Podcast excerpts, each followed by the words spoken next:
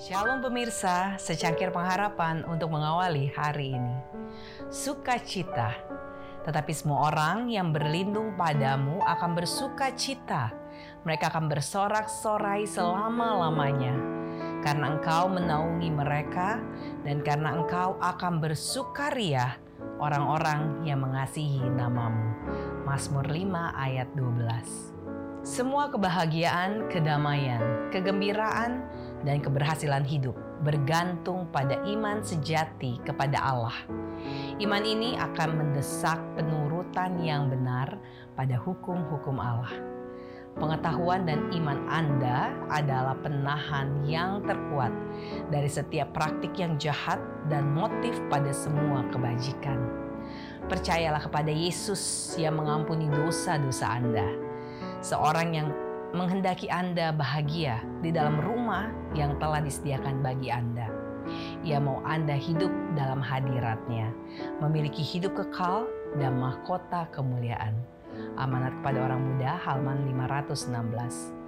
Apa saja yang dilakukan untuk kemuliaan Allah haruslah dilakukan dengan kegembiraan, bukan dengan kesusahan dan kemurungan tidak ada kemurungan dalam agama Yesus.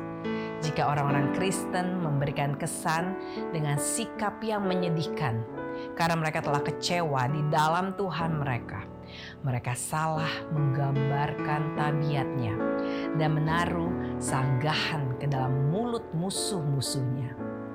Walaupun dengan kata-kata mereka dapat menyatakan Allah sebagai Bapa mereka, namun dalam kemurungan dan kesusahan mereka menunjukkan ke dunia tidak mempunyai ibu dan bapa.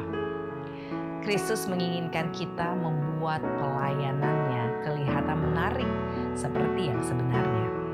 Biarlah penyangkalan diri dan kesusahan hati yang tersembunyi dinyatakan kepada juru selamat yang penuh belas kasihan itu biarlah beban ditinggalkan di bawah salib itu. Dan dengan bersuka cita dalam kasih dia yang pertama mengasihimu, teruskan perjalananmu. Manusia bisa saja tidak pernah tahu pekerjaan yang sedang berlangsung secara diam-diam antara satu jiwa dan Allah. Tetapi hasil pekerjaan roh di dalam hati akan nyata kepada semua orang. Karena dia yang melihat yang tersembunyi akan membalasnya kepadamu. Khotbah di atas bukit halaman 100 dan 101. Demikianlah renungan kita hari ini. Salam